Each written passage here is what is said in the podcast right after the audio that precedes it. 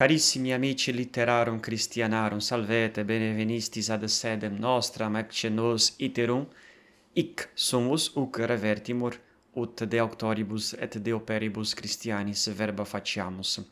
Bene, odie alquid novum abeo vobis nunciandum, nam odie evolvebam mecum novum consilium.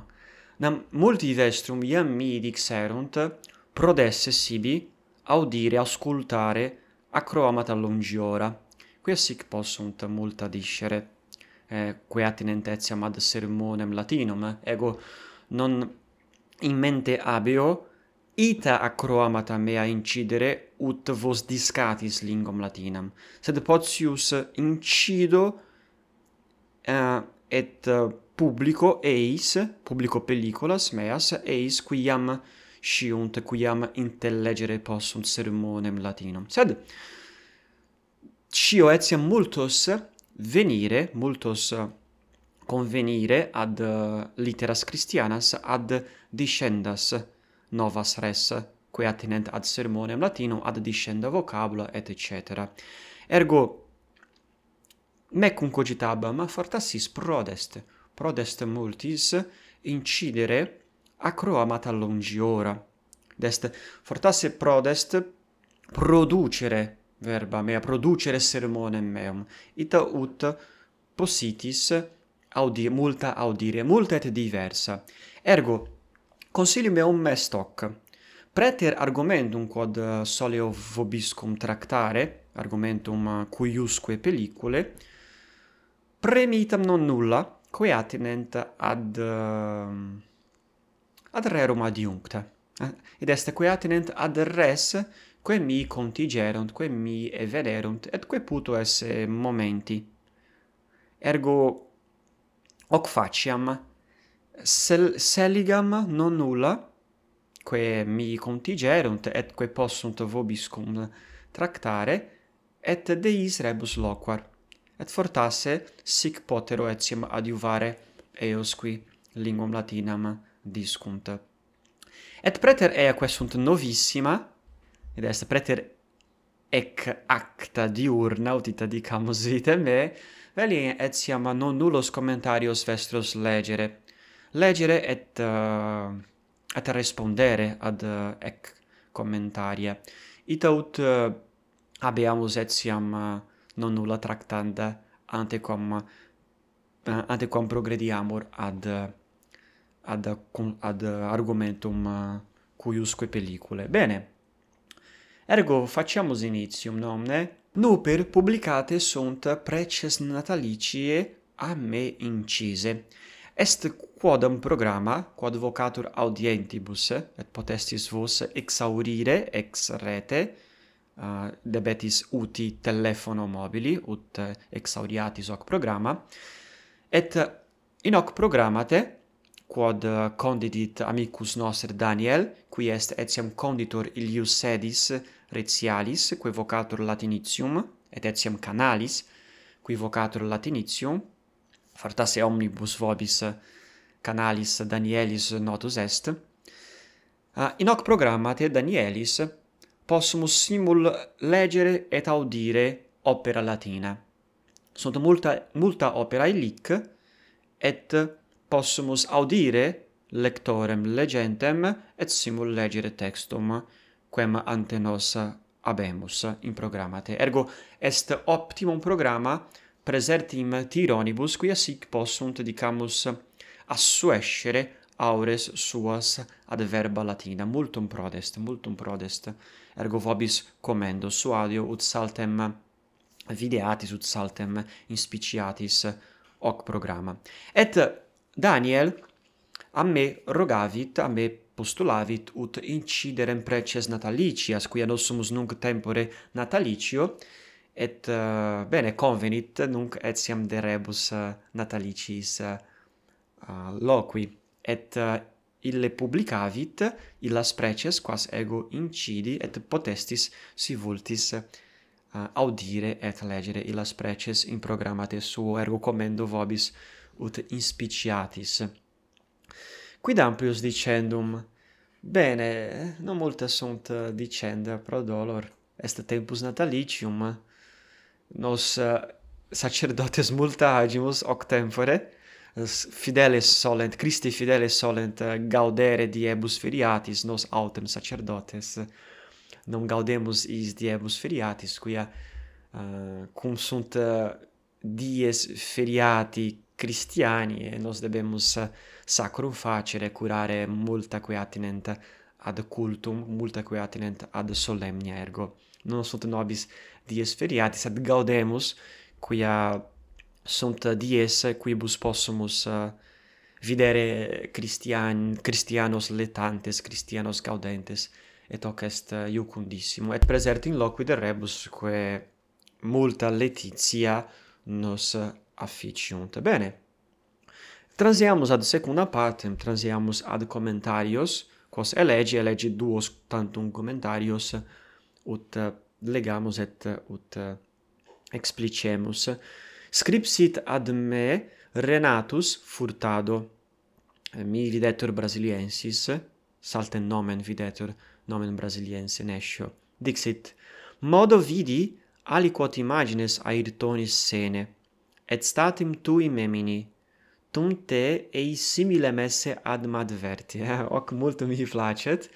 Si quis vestrum nescit quis fuerit Ayrton Senna fuit redarius brasiliensis qui gubernabat redam in illo certamine quod vocatur F unum. Et Ayrton numeratur inter optimos. Si non est optimus, sunt qui dicunt eum fuisse optimum omnium, salter numeratur inter optimos uh, redarios.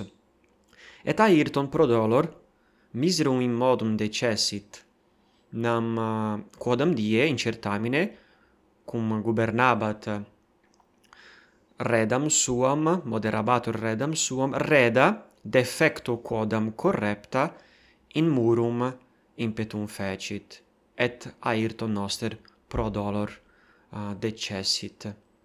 Et sic, et sic uh, multi Brasilia, ego, ego iam eram, tunc eram parvulus infans, ergo non memini, sed pater meus narrat et familiares mei narrant fui sediem tristissimum omnium, quia multi brasilienses, per omnes brasilienses erat fautores, fautores illius, et plura verunt, et lacrima verunt eius morte.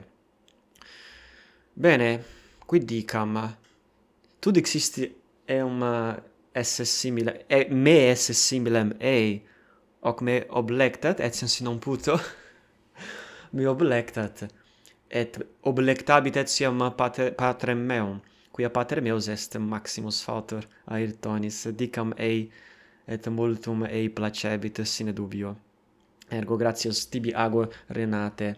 Bene Antoni bene scripsit ad me dixit pater ni fallor nil nobis dixisti de coloribus candelarum maximis in locis sunt tres purpure et una ruba diluta sed scio loca esse ubi omnes sint rubre At in patria mea Panama sunt quator colorum, purpurea, rubra satura, rubra diluta et alba ita.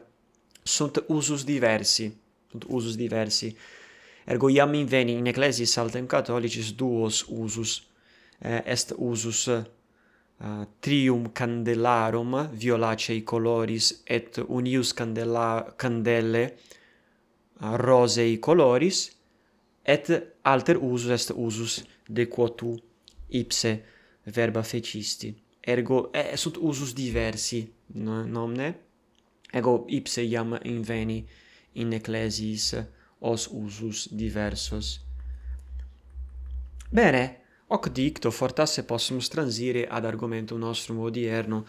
Uh, ceterum dicam brevi breviter de ellocutionem mea. Fortasse fortasse iam ad advertistis etiam in superioribus pediculis meis me conatum esse servare observare productas et correctas syllabas sed hoc est mi aduc difficile conor conor sed non est facile. In legendo fortasse melius observo sed in loquendo difficilius aduc mi est sed conor observare.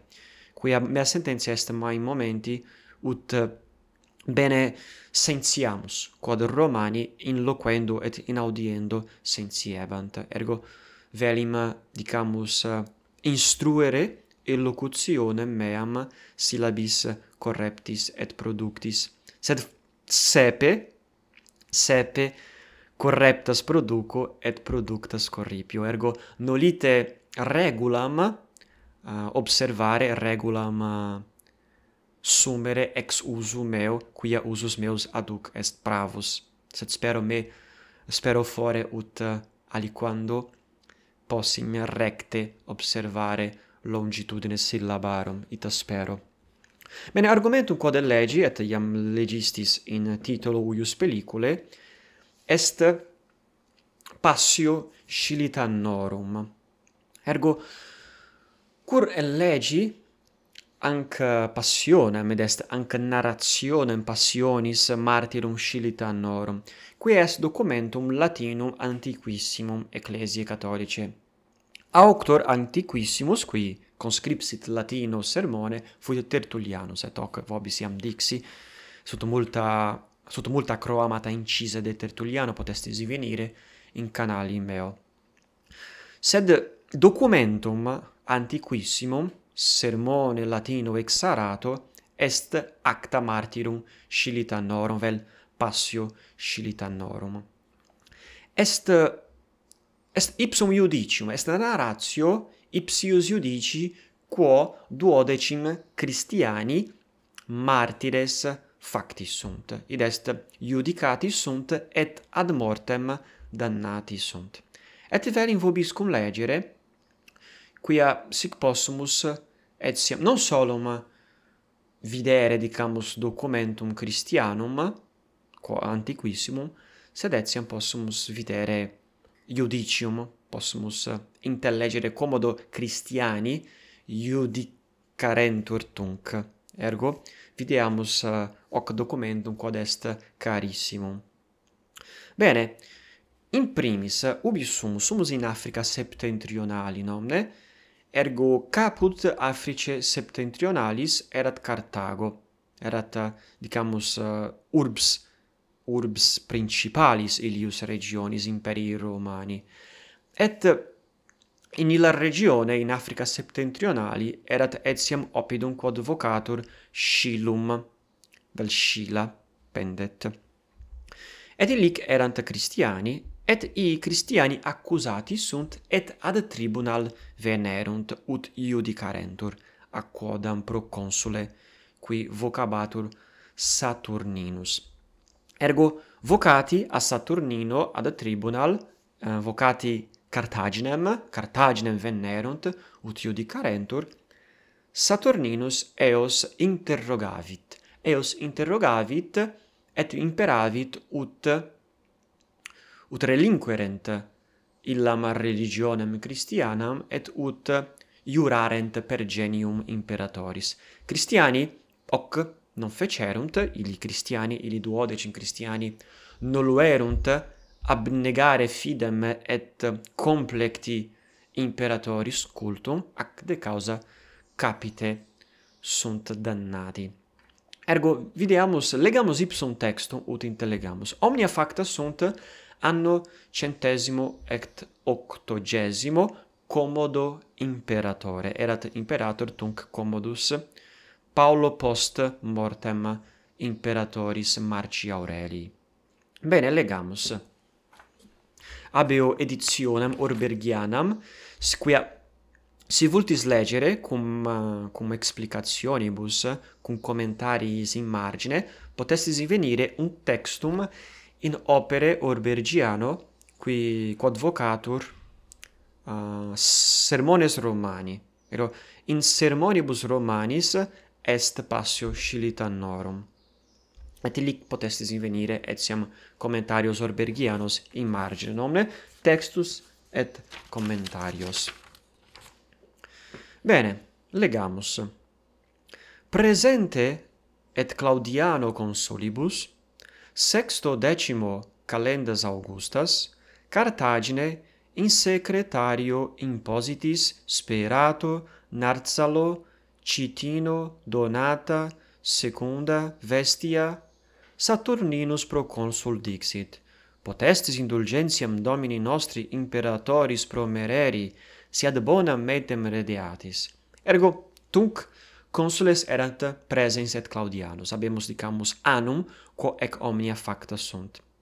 Habemus etiam diem nomne, sexto decimo calendas Augustas et habemus locum Carthago Carthago erat urbs quo qua uh, hoc judicium uh, factum est et impositi sunt speratus narsalus citinus donata secunda vestia et ali erant duodecim impositi sunt id est venerunt in judicium et coram eis iudex Saturninus, qui erat proconsul Ilius Regionis, dixit, potestis indulgentiam Domini nostri imperatoris promereri, si ad bonam mentem redeatis.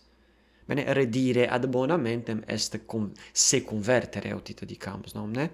Est uh, facere id quod uh, secundum legem, secundum morem Romanum faciendum erat et speratus Christianus respondit.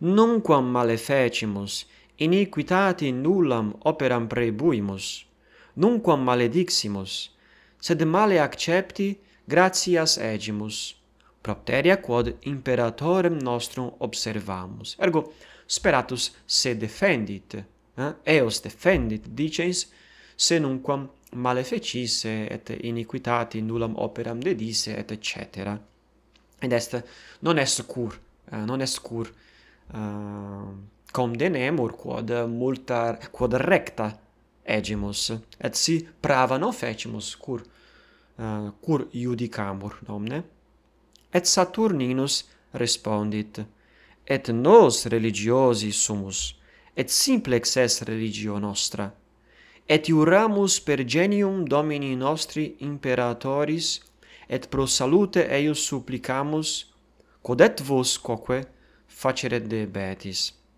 Ergo, imperator dixit, o imperator, proconsul dixit, vos debetis iurare per genium imperatoris. Genius est uh, Deus custos hominis. Ergo, necesseret iurare per genium imperatoris. Et Christiani ut scimus hoc facere non poterant cur. Quia non credebant esse genium imperatoris non credebant esse deum qui custodiebat imperatorem. Et credebant unum deum tantum esse. Ergo hoc facere non poterant ac de causa proconsul imperavit eis ut hoc facerent. Et quid fecerat videamus? Speratus dixit si tranquillitas prebueris aures tuas dico mysterium simplicitatis. Ego speratus dixit pro consuli. si tu vis aures vestras tranquillas preberi des, si tu vis audire ego possum tibi narrare mysterium simplicitatis. Id est possum tibi narrare mysterium christianum et Saturninus dixit Initianti tibi mala de sacris nostris, aures non prebebo, sed potius iurate per genium Domini nostri imperatoris. Ergo Saturninus non vult audire, audire speratum lo, male eloquentem de religione romana et de mysteriis Christianis. Immo vero, dicit ei, tu debes tantum modo iurare per genium imperatoris.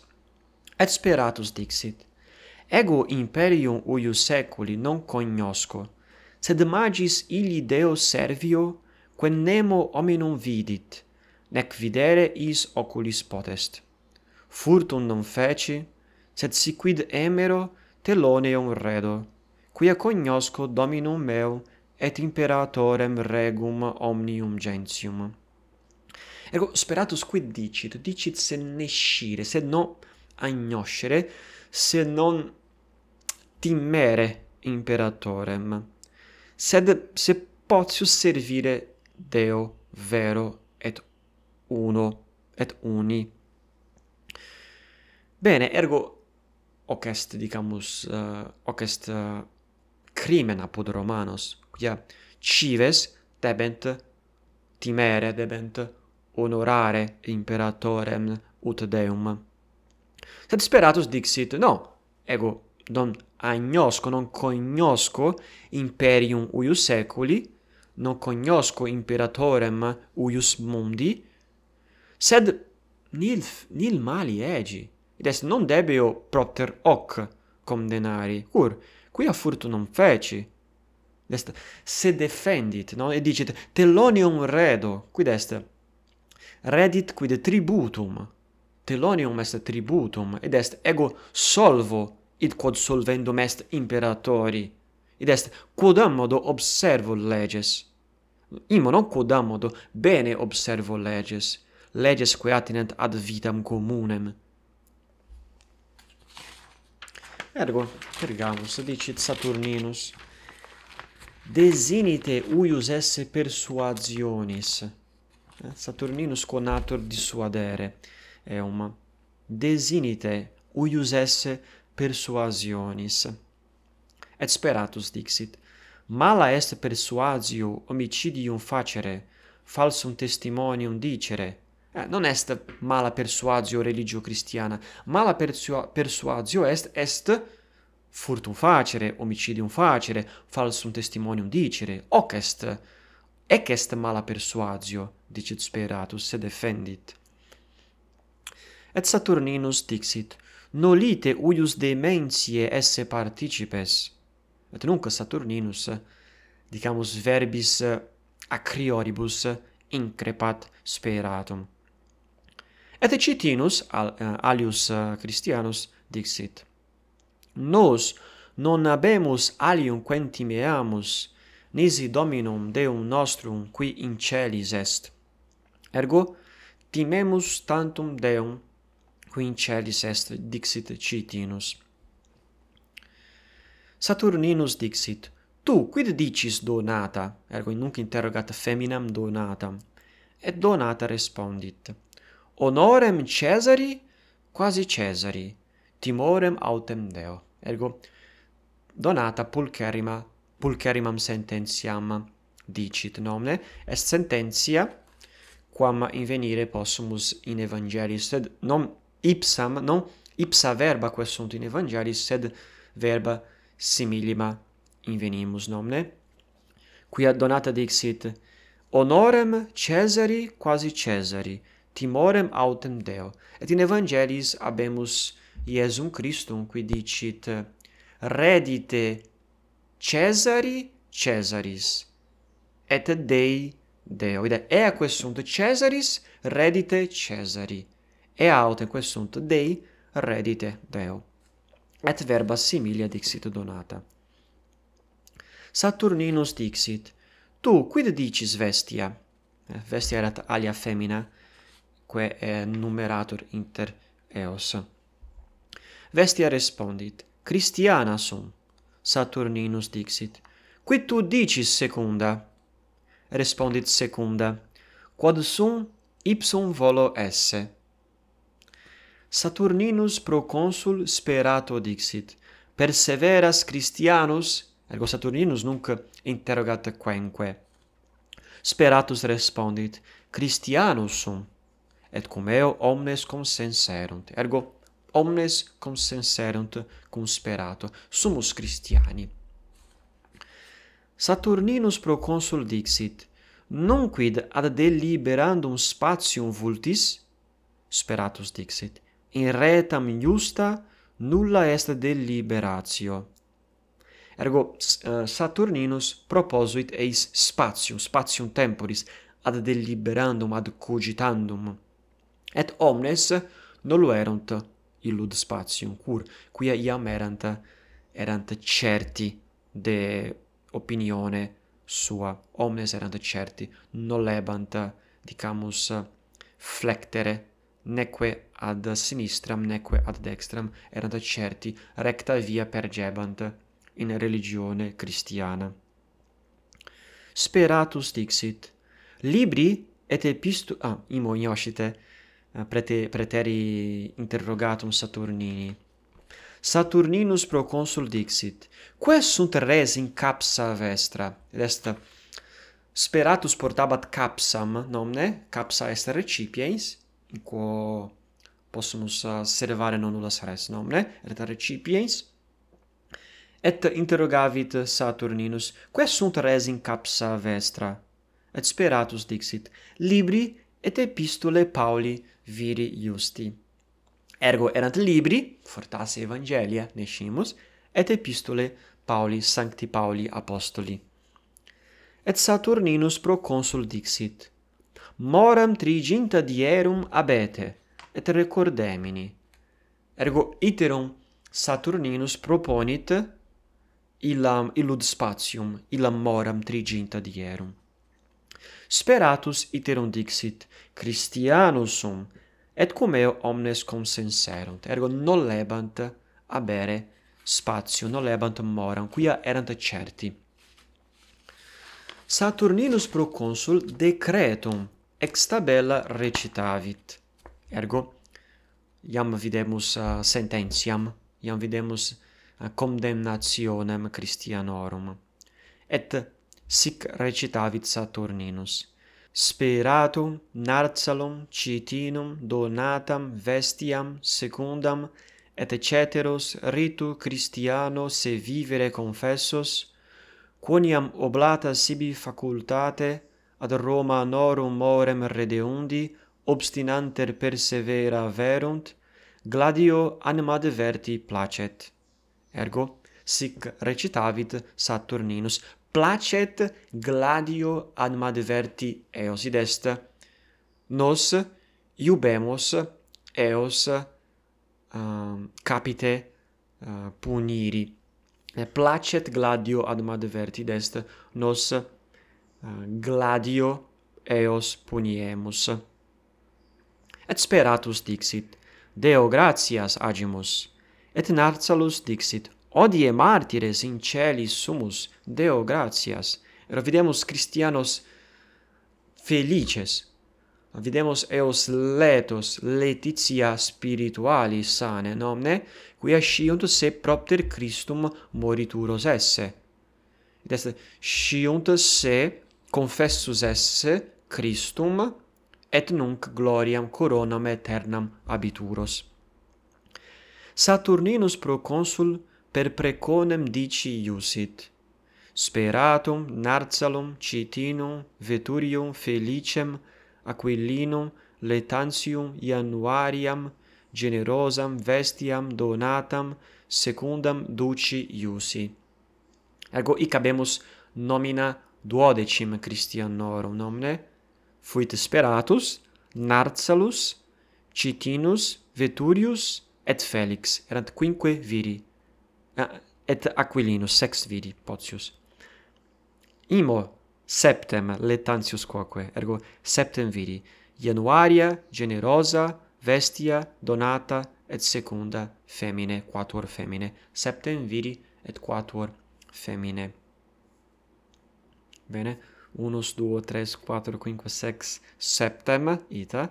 1 2 3 4 5 ita. Septem viri et quinque femine ego pessime computo ut videtis septem viri et quinque femine. Duodecim. Et universi dixerunt deo gratias et statim decolati sunt pro nomine Christi. Decolari est capite puniri. Bene ergo ec est narratio ut videre potestis sunt quedam que probabiliter desumpta sunt ex ipsis actis, id est sunt quedamque videntur esse conscripta a scribis Romanis, qui erant illic in tribunali, et qui literis mandaverunt eaque que fiebant, et sunt non nulla que Christiani adiderunt ad textum. Sed hoc textum est, ic textus est preciosus, ut vobis iam dixi, qui est textus latinus primus, cuius eh, notitiam habemus, de quo notitiam habemus nomne.